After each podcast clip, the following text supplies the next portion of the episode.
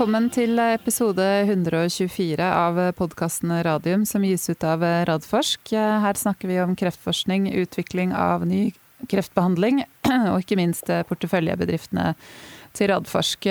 Dagens episode heter Nordic Nanovektor og korona, og datoen er 6. april 2020. Eh, hyggelig å ha deg med på telefon fra hjemmekontoret, Jonas Einarsson. Takk skal du ha, Elisabeth. Alltid hyggelig. Alltid hyggelig å være med. Og det er jo bra at vi opprettholder disse strenge smitte, smittevernreglene. Det er viktigere enn noen gang å opprettholde de nå. Ja, det er det virkelig. Eh, vi sa jo egentlig i forrige episode god påske til alle lytterne. Men eh, i og med at Nordic Nanoektor sendte ut en børsmelding 1.4 etter at vi hadde tatt opp vår episode, så tar vi en eh, ekstraordinær eh, innspilling eh, i dag. Så hvis vi går til aktuelt skjedd siden sist, så er det jo nettopp den børsmeldingen til Nordic Nanovektor som vi skal snakke ganske mye om, men den kan vi komme tilbake til. I tillegg så har jo Ultimovax presentert årsrapporten sin for 2019. Du er jo styreleder i, Ultimovax, Jonas. Er det noe spesielt du vil framheve fra den årsrapporten? Nei, det er eh, ikke noe Det kom, kom ikke noe nytt og, og, ingen nyheter annet utover den oppdateringen som vi ga for en, vel en, en ukes tid siden. Eh, at vi ser at det er eh, utfordringer kan med, med de kliniske studiene, men, men understreker at Selskapet jobber intenst med å være godt forberedt på, på, eh, hvordan den nye normalen blir, og at vi da skal ha mest mulig sites klare. At vi jobber intenst med å følge opp de pasientene som er inne i studier. Både FDA og EMEA legger forholdene til rette og lemper litt på forskjellige typer uh, restriksjoner i forhold til at må, man må møte fysisk for å monitorere altså disse CRO-ene. Det, det, lemper de på nå, men allikevel at vi klarer å få minst like god kvalitet på, på dataene. Så, så, så, i likhet med, med andre selskaper, noen utfordringer. Eh, ikke alle landene har stengt ned kliniske studier, men, men, klart at det er noen utfordringer. Men, men vi mener vi skal takle det greit. Så bra. Eh, og så melder Targovax om at de eh, eller det vil si de skal eh, få ny styreleder hvis generalforsamlingen går med på det. Og det er en mann ved navn Damien Maron. Hva kan, hva kan du si om han, Jonas? Jeg kjenner ikke uh, mer enn fra, fra, før, men, men uh, min kollega Anders Thun sitter jo i valgkomiteen i Targovax. Jeg syns de har gjort en aldeles utmerket jobb. Det har også Patrick Wink gjort, som overtok etter meg i sin tid. Men han har mye, mye styreverv også i andre land, bl.a. USA, og, og mente at han måtte prioritere det nå. Barron eh, ser ut som en, en svært solid fyr. Eh, Biter meg bl.a. merke at han har jobbet med både, med både børsnoterte selskaper og venturefinansiering tidligere. At han også har vært innblandet i en del eh, M&A, altså sammenslåing og oppkjøp av, av selskaper og lisensavtaler og annen type det vi kaller R&D-samarbeid mellom Big Pharma og biotekselskaper. Så jeg tror det er et eh, godt valg. Får i hvert fall Radforsk sin stemme på generalsamlingen. Så bra. Uh, utover det, har du notert deg noe mer fra selskapene våre som ikke jeg har fått med meg? Nei, vi gikk jo gjennom de oppdateringene som ble gjort. Og vi kommenterte vel eh, Vaxibody sin satsing på infeksjonsmedisiner i, i forrige podkast. Det gjorde vi. Det er jo og Det er også svært spennende, men utover det så har ikke jeg fått med meg noe, noe annet med selskapene, nei. nei. Eh, men da kan vi også nevne helt til eh, slutt, eh, før vi går videre på, på Nordic Nanovektor, at Radiumhospitalet det skal holdes koronafritt. Det vil si i praksis at ingen pasienter som da blir testet og får utslag på koronaviruset, skal være innlagt ved det vi må si er Norges ledende kreftsykehus. Hva tenker du om den strategien, Jonas? Jeg tenker at Det er en veldig, veldig, god strategi. Jeg tenker at Det de har gjort nå i denne litt sånn unntakstilstanden i, i disse ukene, er å etablere det de kaller for sånn koronafrie og koronasløyfer i, i pasientbehandling. Sånn at de kan, kan, skjerme de mest utsatte. Og det er klart at Våre, våre kreftpasienter er, er, selvfølgelig blant de utsatte. De får jo bl.a. medisiner som slår ned og ut uh, immunforsvaret. Så det tror jeg de kan lykkes med. Det er jo, det er jo ikke lett, fordi vi vi ser jo nå mer og mer forskningsresultater som tilsier at eh, det er veldig mange symptomfrie som går rundt med, med, smitte, men at de gjør alt de kan for å holde det koronafritt på Ramsdal. Det er veldig positivt. Mm. Da tenker jeg vi skal gå videre med, med Nordic Nadovektor. Og de sendte da ut uh, onsdag 1.4 på ettermiddagen en børsmelding om at de vil ta en rekke grep for å ha kapital tilgjengelig ut i 2021. Eh, dette ble jo for så vidt varslet allerede på Q4-rapporteringen eh, for 2019, som de hadde 27.2 i år. Eh, og Nordic har i dag en kontantbeholdning på 470 millioner kroner, og de hentet da inn 243 millioner kroner i oktober 2019. Og sånn overordna, så de tiltakene Nordic kommer til å iverksette, eller er allerede har iverksatt, er jo at de skal fokusere kun på paradigmestudien, dvs. Si registreringsstudien av betalutin til behandling av pasienter med. Eh, og I det så ligger det at de stopper all, all annen klinisk og preklinisk aktivitet. Eh, I tillegg så skal de be FDA om et type C-møte for å utvide inklusjonskriteriene til paradigmestudien. Eh, for eh, på den måten å øke inklusjonstakten, dvs. Si antall pasienter som kan rekrutteres til studien. Og de opprettholder da målet om å fremdeles å ha inkludert alle pasienter i løpet av 2020. Og det er da totalt 130 pasienter i to ulike armer som får ulike doser. I tillegg så iverksetter de en del kostnadsbevarende tiltak for at midlene skal være så lenge som de ønsker. Blant annet så kutter de staben med 20% De slår sammen kontorer, og um, de skal ikke investere i kommersielle aktiviteter før andre halvår 2021. Og de opprettholder da mål om å levere resultater for, uh, fra Paradigme i 2021, og dermed søke om markedsgodkjenning. Ja, Jonas, hva er, uh, hva er kommentaren din til uh, dette? Nei, eh, Min kommentar er vel eh, først og fremst at jeg tror dette var et helt nødvendig og riktig grep eh, å gjøre.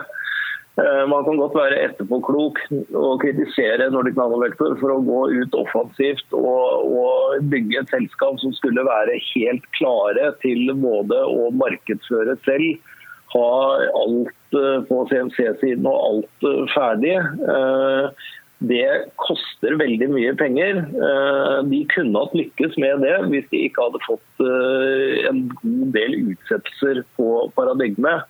Og Hvis de hadde hentet, kunne hentet inn en halv eller en milliard til nå, så ville de absolutt også kunne lykkes med dette. Men det er jo ikke sånn verden ser ut nå. Og Da måtte de ta noen grep. Eh, og det er klart at å gjøre noe med den burn-raten, eh, altså pengebruken sin som de har brukt de siste par årene, det, det var helt nødvendig. og da, da, mener jeg at dette er de rette grepene å ta. Eh, det er riktig at de fokuserer kun på, på paradigmet. Men eh, de gjør jo ferdig og de kohortene i bl.a. Archer-studien Eh, tar de inn de, Det er ikke noe, bare noen få pasienter, men de gjør det ferdig. Det betyr også at de kan analysere eh, de dataene fra, fra, den studien eh, og de andre småstudiene de har, uten å, da, å inkludere flere pasienter. Og Det er nå engang sånn da, at det som er olja til våre selskaper, som de borer etter, det, det er de kliniske dataene fra studier som kan føre til, eh, til registreringssøknad. Det er, liksom, det, det er det som er verdien i selskapet, og det har de sett nå. at Det er den verdien de er nødt til å vise fram og ta de grepene som er nødvendig for å gjøre det. fordi de, de, kunne ikke altså Det å gå nå og si at vi skal hente inn masse ekstra kapital, som vel var planen i, i andre halvår 2020, det er en dårlig strategi som verden ser ut i dag. Så jeg tror dette var, var, helt nødvendig. og Det er det underliggende fundamentelle i alle resultater vi har fra studier tidligere, viser at betalutin bør absolutt kunne få sin plass. Så, så jeg håper og tror at dette, dette, kommer til å falle godt ut. Mm. Så bra. Da tenker jeg vi kan grave oss litt mer i, i, ned i materien. Um, sånn som du ser det, er, det, er disse grepene gjort kun pga. koronapandemien, eller er det andre underliggende faktorer? Det er vanskelig å si. Eh, det er klart at koronasituasjonen er den utløsende faktor til at de gjør dette. her. Det, det, det er det ingen tvil om. Eh, måtte de ha gjort det hvis den ikke hadde kommet, veldig vanskelig å si. Vi, som sagt, Hvis de kunne satt en uh, emisjon på en halv eller en milliard nå i annet halvår 2020, så hadde det kanskje ikke, ikke vært nødvendig.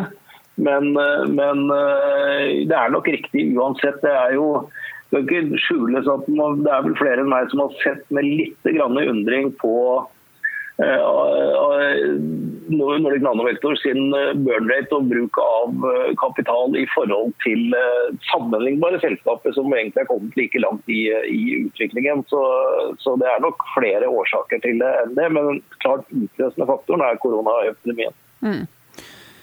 Uh, ja, for det de sier, eller det de sa på webkassen, er jo det at det går tregere nå med å, å inkludere pasienter. Um, og dette er jo da bakgrunnen for at de skal be FDA, altså de amerikanske eh, myndighetene som godkjenner eh, legemidler, om et sånn type C-møte. Uh, og, de, og, de jo, eller, og, det de ønsker i det møtet, er jo nettopp da å utvide inklusjonskriteriene for betalutin. Og de sa vel også ganske tydelig på webkasten at, at de har stor tro på at de kommer til å få utvidet inklusjonskriteriene. Eh, de snakket flere ganger, både styreleder og interim-CEO, om at eh, betalutin viser seg å være veldig trygt, og at det på en måte var et, et veiende, en veiende faktor. Hva, hva er et type C-møte, Jonas, og har du noe erfaring med det? Nei, der har jeg liten erfaring. Eh, for jeg er aldri med på den type møter. Eh, men jeg er med på strategidiskusjonene om man skal gjøre det. Altså amende, legge til i protokollen for å enten eh, få nye inklusjonskriterier, eventuelt gjøre noe med eksklusjonskriterier I utgangspunktet er ikke myndighetene og FDA noe negative til å diskutere det. og Det er klart det ofte er selskapet som setter relativt strenge inklusjonskriterier. Rett og slett fordi at eh, det vil kunne gjøre et mer robust statistisk grunnlag eh, hvis man gjør det. Og så er man redd for, eh, hvis man tar inn pasienter Du ser f.eks. på PCI Biotech, så, så utvider jo de inklusjonskriteriene til også å gjelde pasienter med nærmetastaser, altså levermetastaser.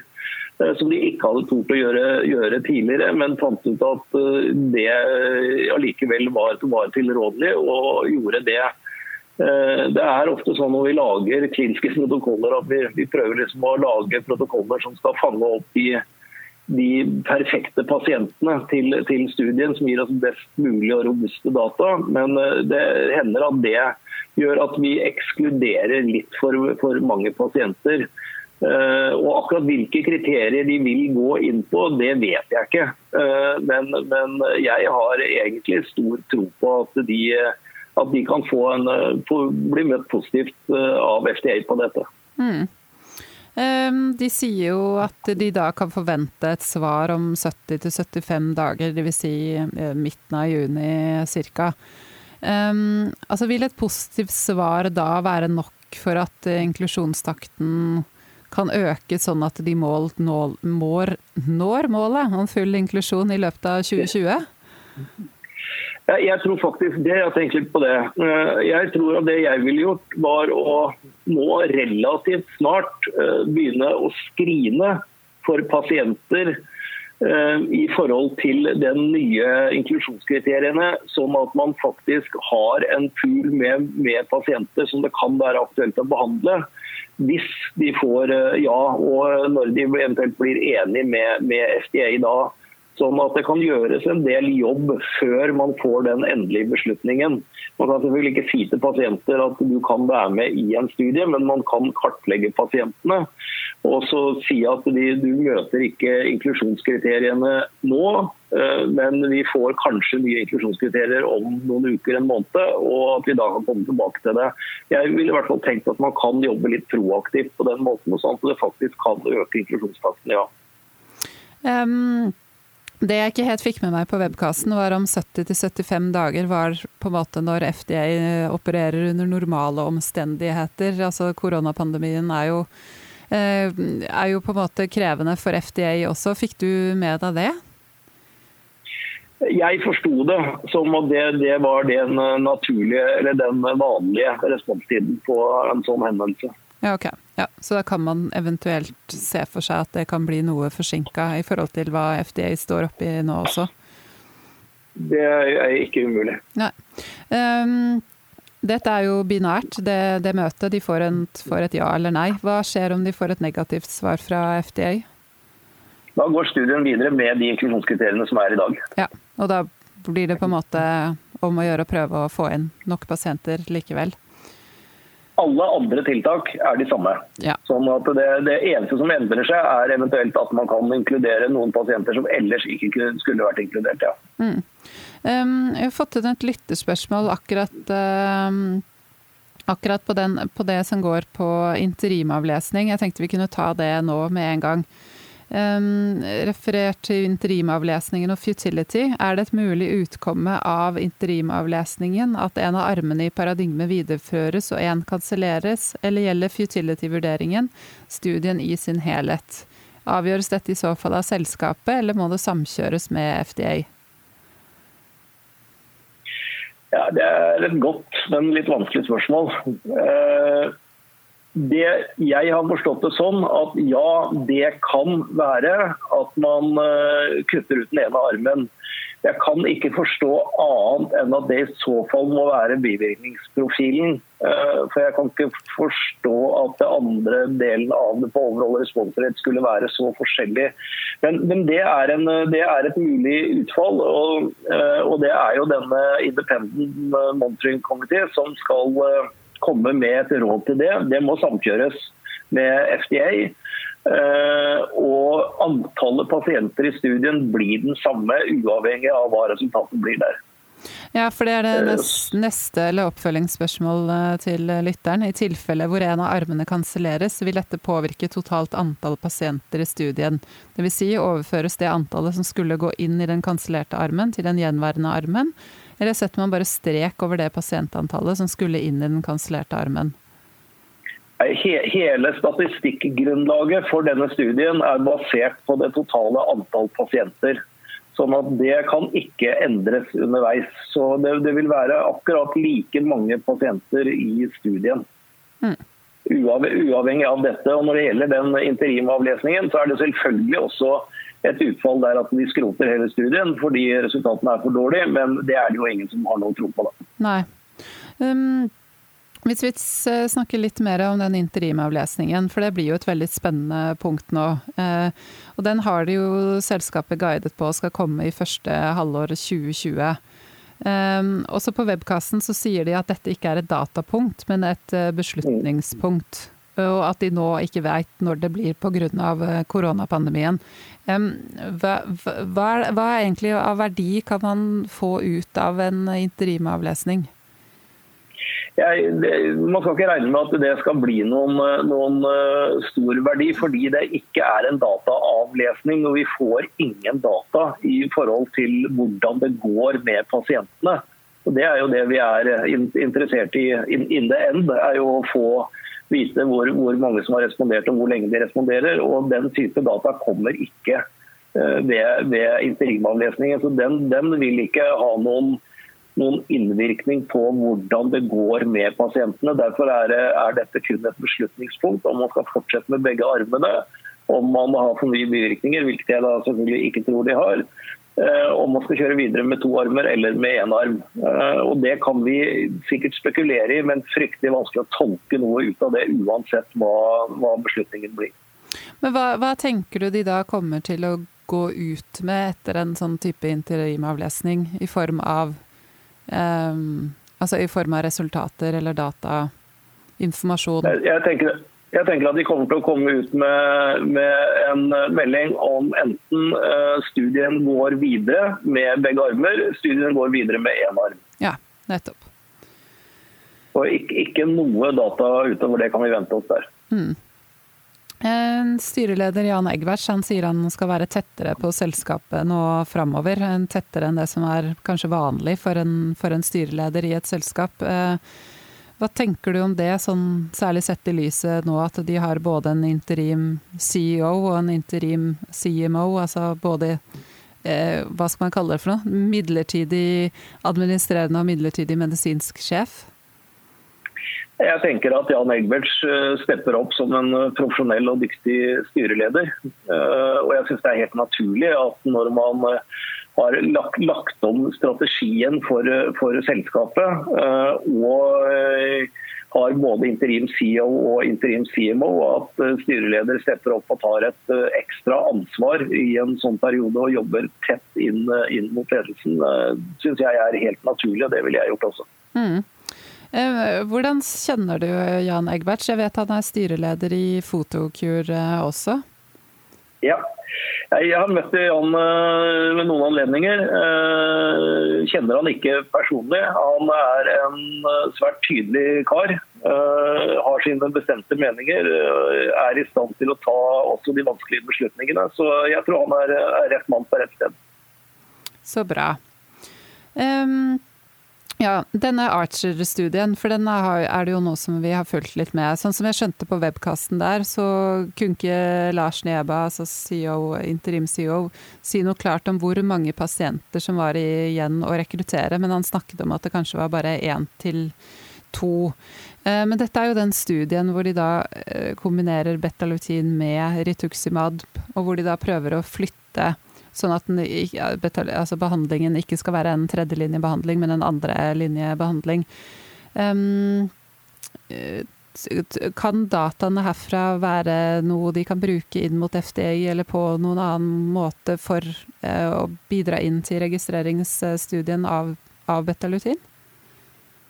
Alle data som samles inn med betalutin er viktige i den totale pakken når man sender inn en registreringssøknad til FDA. Så det er helt klart at disse dataene er, hvis de er gode, så kan de være viktige og en viktig del av eh, pakken. Det som er endringen nå, er at de hadde en strategi på at de nærmest skulle komme ut samtidig med så mye data fra Archer når paradigmet var ferdig, at de skulle gå en veldig veldig rask vei fra trelinje til annen linje. Den veien tror jeg blir lenger nå. Men det betyr ikke at ikke målsetningen fortsatt er å flytte betalutinbehandlingen fra tredje til annen linje. Men det vil nok øh, være nødt til å gå litt mer trinnvis, tenker jeg, øh, med den nye strategien. Mm. Uh, og så ser jeg det at marked, markedet reagerer jo negativt på meldingen, men ikke bare. DNB Markets de opprettholder kjøpsanbefaling på, på aksjene til Nordic Nanovektor, men de setter ned kursmålet fra 30 til 30 eller setter ned det til 30 fra 36 eh, kroner. Samlet sett så har jo da aksjekursen gått ned med 50 eh, hittil i år, og på fredag 3. april så ble den omsatt for 14,20 kroner på, på børs. Um, har du en kommentar til, uh, til den aksjekursutviklingen, Jonas? Altså, Aksjekursen i Nordic Nanovektor har selvfølgelig falt på lik linje med, med hele sektoren uh, frem til dette. Uh, den omsettelsen 14 i dag også ser jeg som at den virker som den hvert fall inntil videre har, har stabilisert seg der. Uh, jeg tror at det, ja, det er negativt at dette blir noen utsettelser, som det gjør antagelig med de fleste kliniske studier.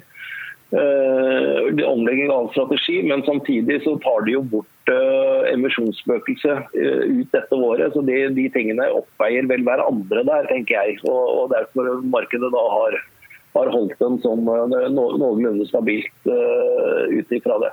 Mm. Og den kraftige nedgangen skyldes jo kanskje til dels også at de de biotek-selskapene var jo helt ekstremt eh, høyt priset akkurat eh, ved starten av året også. Vi hadde jo en veldig ja, det, oppgang. Det er, det er, jo helt riktig. Når, når, vi ser på, på kursene i, i selskapene våre og går, går sånn seks-ni måneder tilbake i tid, så vi vel, har vi mistet hele oppgangen som vi fikk i slutten av 2019 og begynnelsen av 2020. Men mange av de ligger da omtrent tilbake på det, på det samme nivået. Og, og, det skyldes vel i all grad usikkerheten i markedet med oljepris og korona og alt det som skjer. Eh, og at det fundamentelle i selskapene ikke har forandret seg. Så, så jeg tror fortsatt at det er eh, god, god, grunn til å tro at vi kan få en rekyl tilbake når koronaen begynner å letne litt. Mm. Um, altså det, som, det, som, eh, skjer med Nordic nå, eller de, de grepene, strategiske grepene de tar, er, er det dramatisk for selskapet, eller er det egentlig positivt? Jeg tror, tror, det er positivt, fordi det, det, som er dramatisk for selskapet, er å få levert de kliniske dataene på paradigmestudie. Og Er de gode nok, så går det bra med når det kan bli en nanovektor. Og Det har de innsett nå og sett at det er det, er det de kan levere på. Og må sette alle, alle klutter til for å få levert de dataene. Og Er de gode nok, så har betalutin sin plass i markedet, tror jeg. Så bra. Eh, og til sist eh, i den delen her. Er det andre selskaper i porteføljen vår som du tror kommer til å måtte gjøre lignende grep, eller er Nordic en eksepsjonell situasjon også fordi de er så tett på eh, altså innspurten på registreringsstudien sin? Altså Inntil videre så, så, ser det ut som om ingen av de andre selskapene har den type likviditetsskvis som jo uh, Nordic Nanovektor kom opp i. Hvis jeg har forstått alle signaler riktig, så, så melder alle andre at hvis ikke det blir for mye utsettelser på de kliniske studiene, så bør de kunne kjøre sitt løp videre sånn som de gjør. Så akkurat per i dag så ser jeg ikke at det er noen andre selskaper som kommer med tilsvarende tiltak i den nærmeste fremtid. Nei. Da, det får vi jo si er eh, gode, gode nyheter. Ja da, det, det er mye, mye, som kunne, kunne, vært verre. Og mange bransjer som sliter atskillig mer enn det vår bransje gjør så langt. Mm. Men da kan vi jo gå litt videre til eh, det nye som vi prater om i podkasten vår, og det er jo koronapandemien. Um, og status, uh, hvis vi tar det først nå, fjerde og si, Hvilken dato er vi nå? 4., 5. og 6. april. Jeg har kikka litt på både Folkehelseinstituttet og Helsedirektoratet og VG som, som, kilder. Det er at det er nesten 110 000 som er testet i Norge. Det er 5640 som er smittet mener, i Norge, men her er det jo da mørketall. Um, 307 eh, personer er innlagt på sykehuset, og 89 er på respirator. Folkehelsa melder om at det er 58 døde, mens VG melder om et mye høyere tall på, på 71 døde.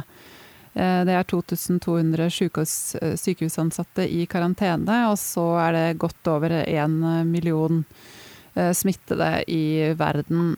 Hvis vi tar situasjonen i Norge, så virker det nå som den kurven har flatet ut i forhold til de som er innlagt på sykehuset, Jonas?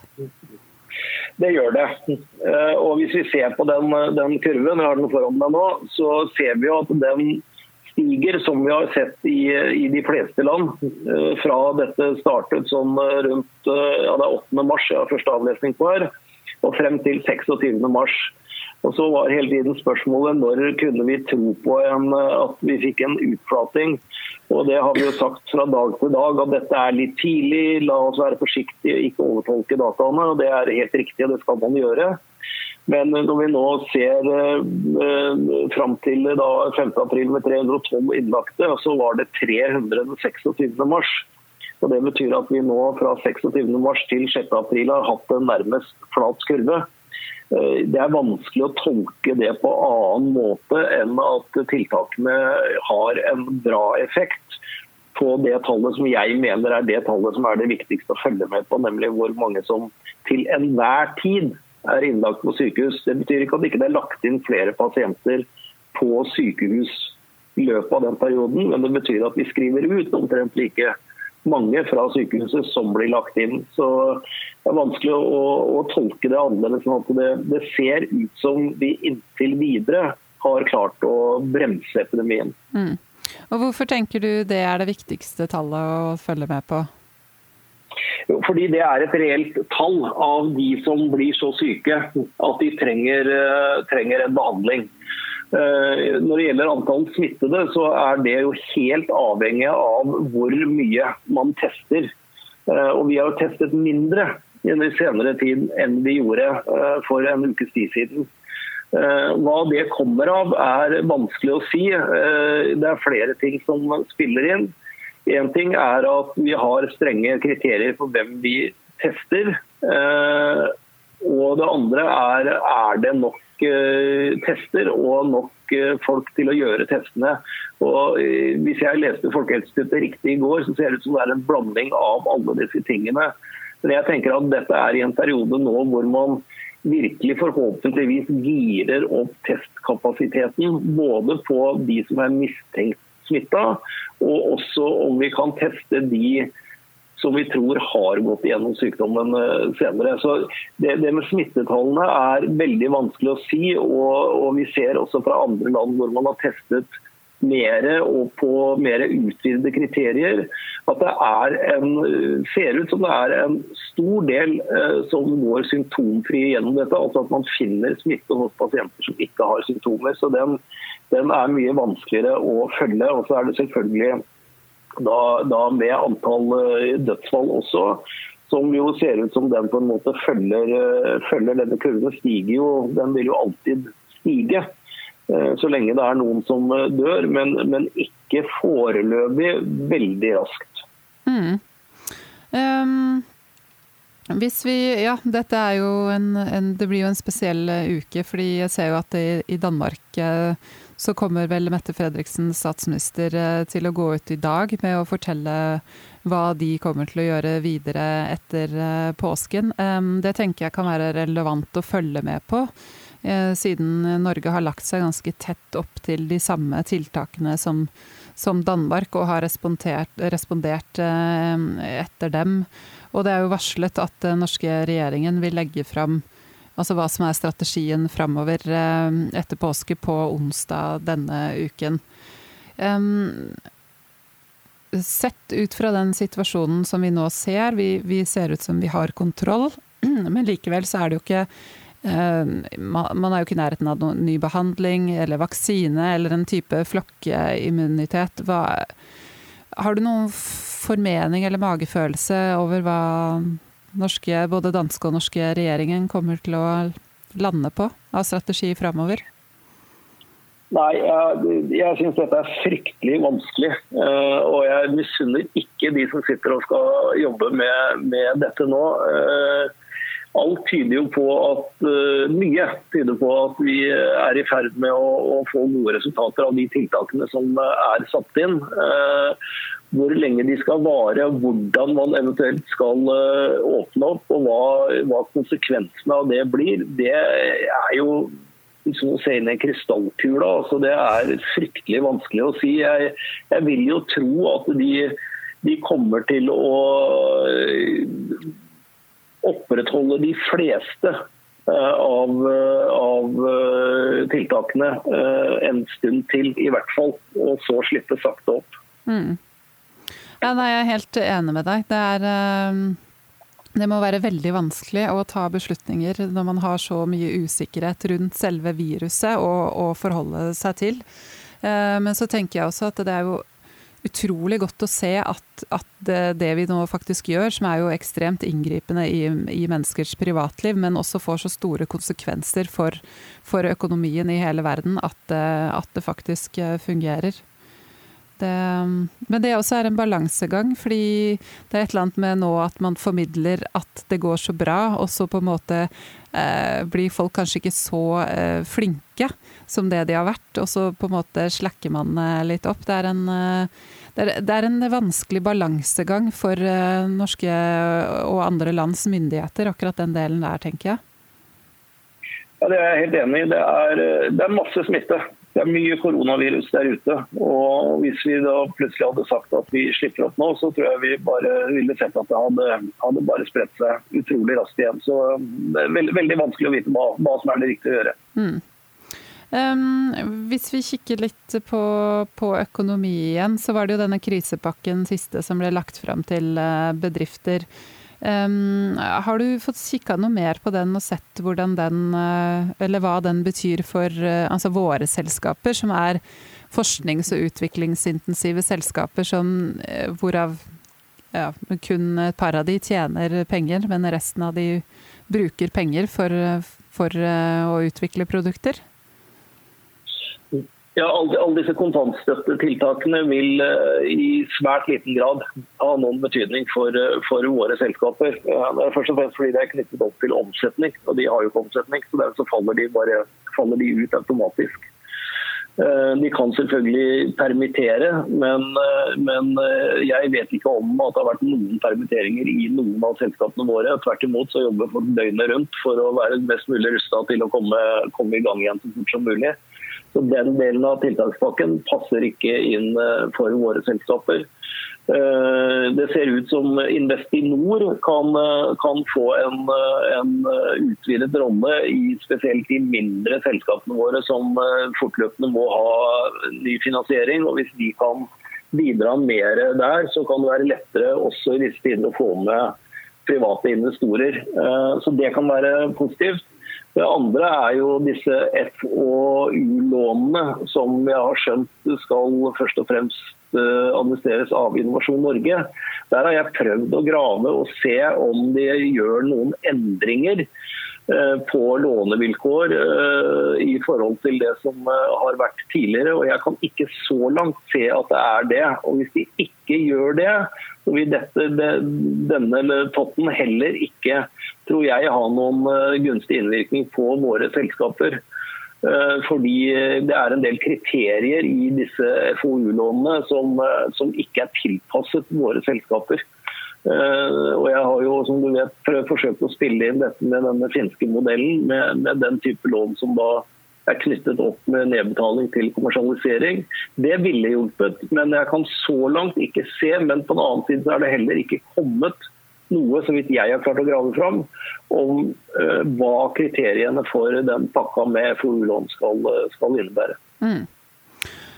Ja, for det tenker du er den beste måten å, å hjelpe de eh, på nå? Det er den finske modellen?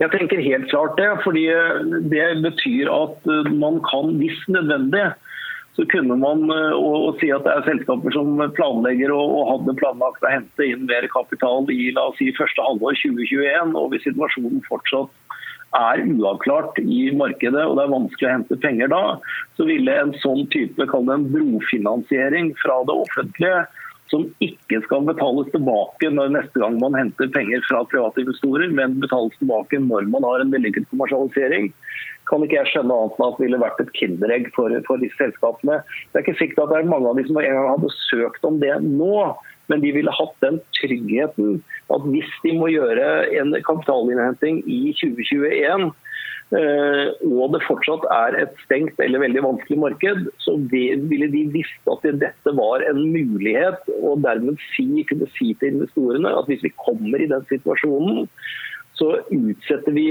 emisjon og brofinansierer gjennom et sånt eh, FoU-lån. Og dere skal ikke betale det lånet tilbake før man har en vellykket kommersialisering. Mm. Det høres eh, veldig fornuftig ut. Vi får håpe noen tar opp den, eh, tar opp den tråden i, i, departementet. Det er vel Næringsdepartementet i så fall som som Ja, jeg hadde ville dialogen med, hadde dialogen med Finansdepartementet, men har fått beskjed om at det er sendt over til Næringsdepartementet. Ja.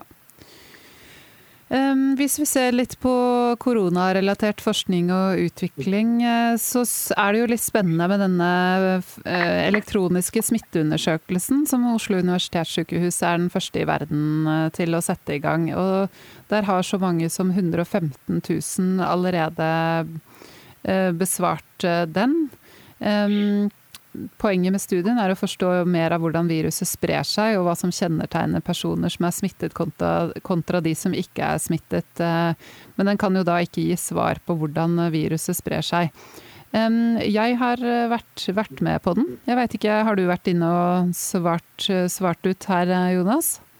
Den besvarte jeg samme dagen den kom. Ja.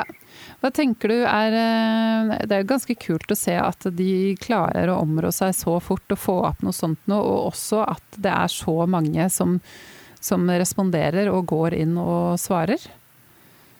Jeg synes det er veldig, veldig positivt. og Det viser at folk er, virkelig, virkelig følger med og, og ønsker å bidra der de kan. Og Jeg tror at dette kan gi data som er eh, veldig viktig for å i ettertid analysere eh, epidemien. Og eventuelt også koble det opp mot de tiltakene som ble gjort. Eh, Det kjempespennende hadde jo vært om vi hadde klart å virkelig få, få rulla ut en sånn immuntest, som vi kan snakke litt mer om eh, i ettertid, og kobla svaret på immuntesten opp mot denne undersøkelsen. Altså du, du legger til et nytt, nytt spørsmål og går inn igjen og svarer om du er blitt immuntesta eller ikke. Hadde du, hadde du koronavirus når du hadde disse symptomene eller ikke? Det ville vært veldig spennende å, å forske videre på. Mm.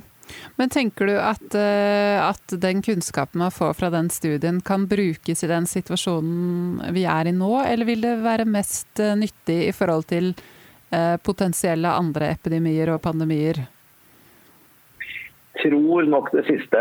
Jeg tror det er for kort tid til at vi kan analysere de dataene og få noe, noe ut av de nå i selve den beslutningen. De beslutninger som skal tas de nærmeste ukene fremover, det, det tror jeg er for tidlig. Mm. Um, og så så jeg også i dag at Folkehelseinstituttet de har laget en sånn digital søkbar database over all forskning på korona som gjøres i hele verden. Uh, den er ikke helt oppdatert enda, fordi de har jobbet ganske hardt med å få den opp og stå. Men uh, så vidt jeg så, så hadde de allerede inkludert uh, jeg tror det var 1000 studier i databasen, og de sier at den skal være helt oppdatert om et par uker. Og at den etter det skal oppdateres hver uke. Så jeg kan legge ut lenke til det forskningskartet, som de kaller det. Så kan man gå inn selv og så søke seg inn på alle studiene. Um, ja. Nei, men det er, det er, også et veldig, veldig bra tiltak å vise at vi har muligheter til å snu oss rundt og gjøre sånne ting. og Dette er klart for alle som jobber med med disse beslutningene, Helsedirektoratet, FHI også, og myndigheter osv., de, de vil jo være et veldig nyttig verktøy. For det, det er jo utrolig mye ikke studier, men artikler som, som uh, publiseres nå rundt dette. og Vanskelig å skaffe seg oversikten. Men uh, veldig, veldig mye av disse artiklene er basert på, på, små studier. Men jo flere små studier som peker i samme retning, jo bedre beslutningsgrunnlag får man jo også tenker jeg med tanke på dette med, med eventuelt medisiner som kan hjelpe i behandlingen av covid-19. Mm, absolutt. Da tenkte jeg vi kunne snakke litt mer om det med immunitet. For der er det jo forskere ved Oslo universitetssykehus som nå jobber med å utvikle en test basert på antistoffer som du kan vise om du har hatt altså ikke, en infeksjon av koronaviruset. Ikke nødvendigvis immunitet videre. fordi det som jeg skjønner også nå, er jo at eh, det er fremdeles litt usikkerhet om at dersom man har blitt smittet med koronaviruset, at man er immun mot å bli smittet igjen. Det ble to ting på en gang. Vi kan ta det siste først. Jeg tror nå konsensus blant forskere er at hvis du er smittet med covid-19, så vil du utvikle en immunitet mot, uh, mot covid-19. Hvor lenge den varer og hvor kraftig den er, det er man mer usikker på. Men at man utvikler en immunitet det, det, siste jeg har hørt fra forskere, er at de mener at det er, er det man går ut ifra. Så det, det, tror jeg man kan være rimelig sikker på. Mm. Eh, og det er jo fint at man vil lage en sånn egen test på, på OS også. Så foregår det jo selvfølgelig mange parallelle løp både blant eh, akademiske og private eh, aktører. Um, i tillegg så ser jeg også at forskere ved Oslo universitetssykehus og Universitetet i Oslo de gjør noen studier for, for, å se om hvis man tar blodet fra mennesker som har blitt friske fra korona, og gir til de som er veldig syke, og ser om, om dette kan uh, hjelpe. Og her er det jo allerede en liten studie fra altså Wuhan i Kina, der som pandemien startet, som, som viser, viser, dette. Um, men det, det, er jo en ganske sånn eh, omfattende behandling, eller hva tenker du om det alternativet? Ja, det, altså det, det, er en, en, måte å behandle denne type infeksjoner på som er gammel og velkjent og velprøvd. Det er ikke noe, er ikke noe nytt uh, å gjøre det på denne måten. Uh, hvor effektivt det er å ta antistoff fra ett menneske og gi det til et annet menneske, det vet vi ikke. Men, men eh, teknikken bak det og teorien bak det er, er, velkjent. Så det kan være at det kan eh, ha noe for seg. Men som du sier, det er noe, det, dette er jo ikke noe vi kan produsere i, i, full fart og begynne å behandle alle med. Men, eh, men det er spennende. Mm. Og I tillegg så jeg, men det begynner å bli en stund siden, at Berlin og Tyskland Og her ser det jo ut som de også har altså veldig god kontroll på, på viruset nå. De ser på hvordan de kan masseteste personer. Sånn at de som da har vært smittet av koronaviruset og er friske igjen, at de kan få et eh, sertifikat eh, for det. Det høres ut som, ut som en eh, veldig god, god idé. Ja, jeg var litt skeptisk når den ble lansert først, men jeg, jeg må si at det, det er litt besnærende. fordi det er klart at Hvis man nå får en konsensus på at man sier at hvis man kan påvise at man har eh, antistoffer som, små mot covid-19 i blodet, at man da kan regne seg som, eh, som immun. Og, og, da ikke heller kan smitte andre, så kan man tenke seg det. Men, men det er veldig vanskelig dette her òg. Altså, du skal ha en sånt jakkemerke eller en app eller noe som, som sier at du er er blant de immune og ikke behøver å følge smittevernregler og sånn. Det kan være en fare med at du slipper opp for tidlig da. fordi selv om du ikke smitter ut ifra din egen, egen dråpesmitte eller med hoste og nyse, så kan du fortsatt ta med deg viruset fra overflater og andre steder og flytte det til, til nestemann hvis man ikke passer på håndhygiene og alt dette like, like mye. Sånn at det er en, det er en balansegang i det òg, men, men, ja, det kan være en vei å gå. Mm. Jeg, jeg bare tenker at Det er veldig viktig det du sier, det med at man kan jo være en smittekilde ved hjelp av hender å ta med fra over, overflater. men jeg tenker sånn, eh, det, det, hadde gjort ting lettere i forhold til jobb og i forhold til slektninger. Kanskje spesielt i forhold til de som har eldre slektninger som man nå holder seg eh, på god avstand fra, fordi man ikke ønsker å, å utsette de for, eh, for risikoen? Ja, det, vi må bare tenke seg veldig, veldig nøye om å få, få ut informasjonen på riktig måte, sånn at folk forstår det at man eh, må opprettholde absolutt alle, alle andre eh, tiltak. Mm. Og da er håndvasken som selvfølgelig er det viktigste. Mm. Ellers så har det jo vært ganske mye oppslag i norske medier i forhold til eh, eh eventuelt manglende legemiddelberedskap eh, i, i, Norge. Jeg vet ikke om du har kikka noe noe på de tingene der. Hvordan, hvordan, er ståa her egentlig? Er det sånn at vi ikke har noe beredskap i det hele tatt? Du er helt avhengig av å, av å importere all, all medisiner. For vi har jo flere bedrifter som produserer legemidler. men Betyr det, det at de mangler den nødvendige lisensen for å gjøre det, i forhold til å få det gjort i, i Norge? Det er ikke mye legemiddelproduksjon som er, er i Norge uh, i dag. Uh, og uh, Altså, i, I min uh, tidligere liv som, som, lege så hadde vi jo noe som het Norsk medisinaldepot. Da hadde vi store lagre med medisiner i Norge, og alt ble bestilt fra dette Norsk medisinaldepot. Uh, det ble avviklet, som jeg har forstått det, i forbindelse med EU og EØS og disse reglene som, som kommer rundt det. sånn at vi har ikke lagre av medisiner i, uh, i Norge i dag. Eh, og det, så vidt jeg forstår, så er man i alle land helt avhengig av å importere legemidler. Og Det har jo fungert relativt greit, selv om Statens legemiddelverk de senere årene har uttrykt bekymringer for at man til tider, også i vanlige tider, har, har legemiddelmangel. Så Det er en utfordring som vi nok må, må se litt, litt nærmere på. Men at vi skal kunne produsere alle typer medisiner i Norge eh, for å liksom hvert land sin eh, produksjon, det tror jeg er utopisk. Mm. Men kanskje noen veldig viktige medisiner, eller går det ikke an å klassifisere i forhold til det heller, nettopp fordi det fins eh, Alle medisiner er viktige for den enkelte? Ja, det er nok riktig som det siste du sier. at alle, alle, de, de, aller fleste medisiner er jo like, like viktig for, for, alle pasientene. Enten du har diabetes eller du har høyt blodtrykk eller det er, er andre, andre, sykdommer du tar medisiner for. Mm. Yes, men da tenker jeg vi skal eh, gå inn for landing.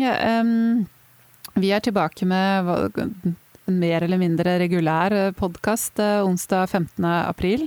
Eh, da får vi besøk av eh, Paul Falk, som er analytiker i Arctic Securities. og han skal snakke om hvordan han verdsetter de børsnoterte selskapene våre, i tillegg til Vaxibody, da, selvfølgelig. Eh, og hvordan koronapandemien påvirker denne verdsettelsen. Vet ikke om du har noen siste bevingende ord som vanlig, Jonas? Det blir en spennende uke vi går inn i. Ja, Vi går inn i en veldig veldig spennende uke. Eh, nå er vi kanskje der at vi har eh, gjort de rette tiltakene og har klart å bremse denne epidemien. Hvordan er det da vi som land og folk håndterer dette når vi etter hvert forhåpentligvis skal bevege oss mot en ny normal? Det blir, blir veldig spennende. og Her tror jeg vi skal lytte godt til det som, eh, det som blir, blir, besluttet, og fortsette å følge lojalt opp, som jeg føler at det norske folk absolutt gjør. Så, så i, i, mellomtiden, så selv om tallene kanskje kan peke i riktig retning nå, så er det utrolig viktig at vi følger absolutt alle retningslinjer som gis. Mm. Så nå er det bare å bli hjemme og ta vare på de nærmeste. Eh, så lenge været holder seg, så er det jo godt å komme seg ut og få, få frisk eh, luft. I hvert fall prøve å kanskje dra til noen steder hvor ikke det er så mange mennesker. Det er ikke så lett eh, midt i Oslo. Men hvis man beveger seg litt ut, så er det litt, litt enklere.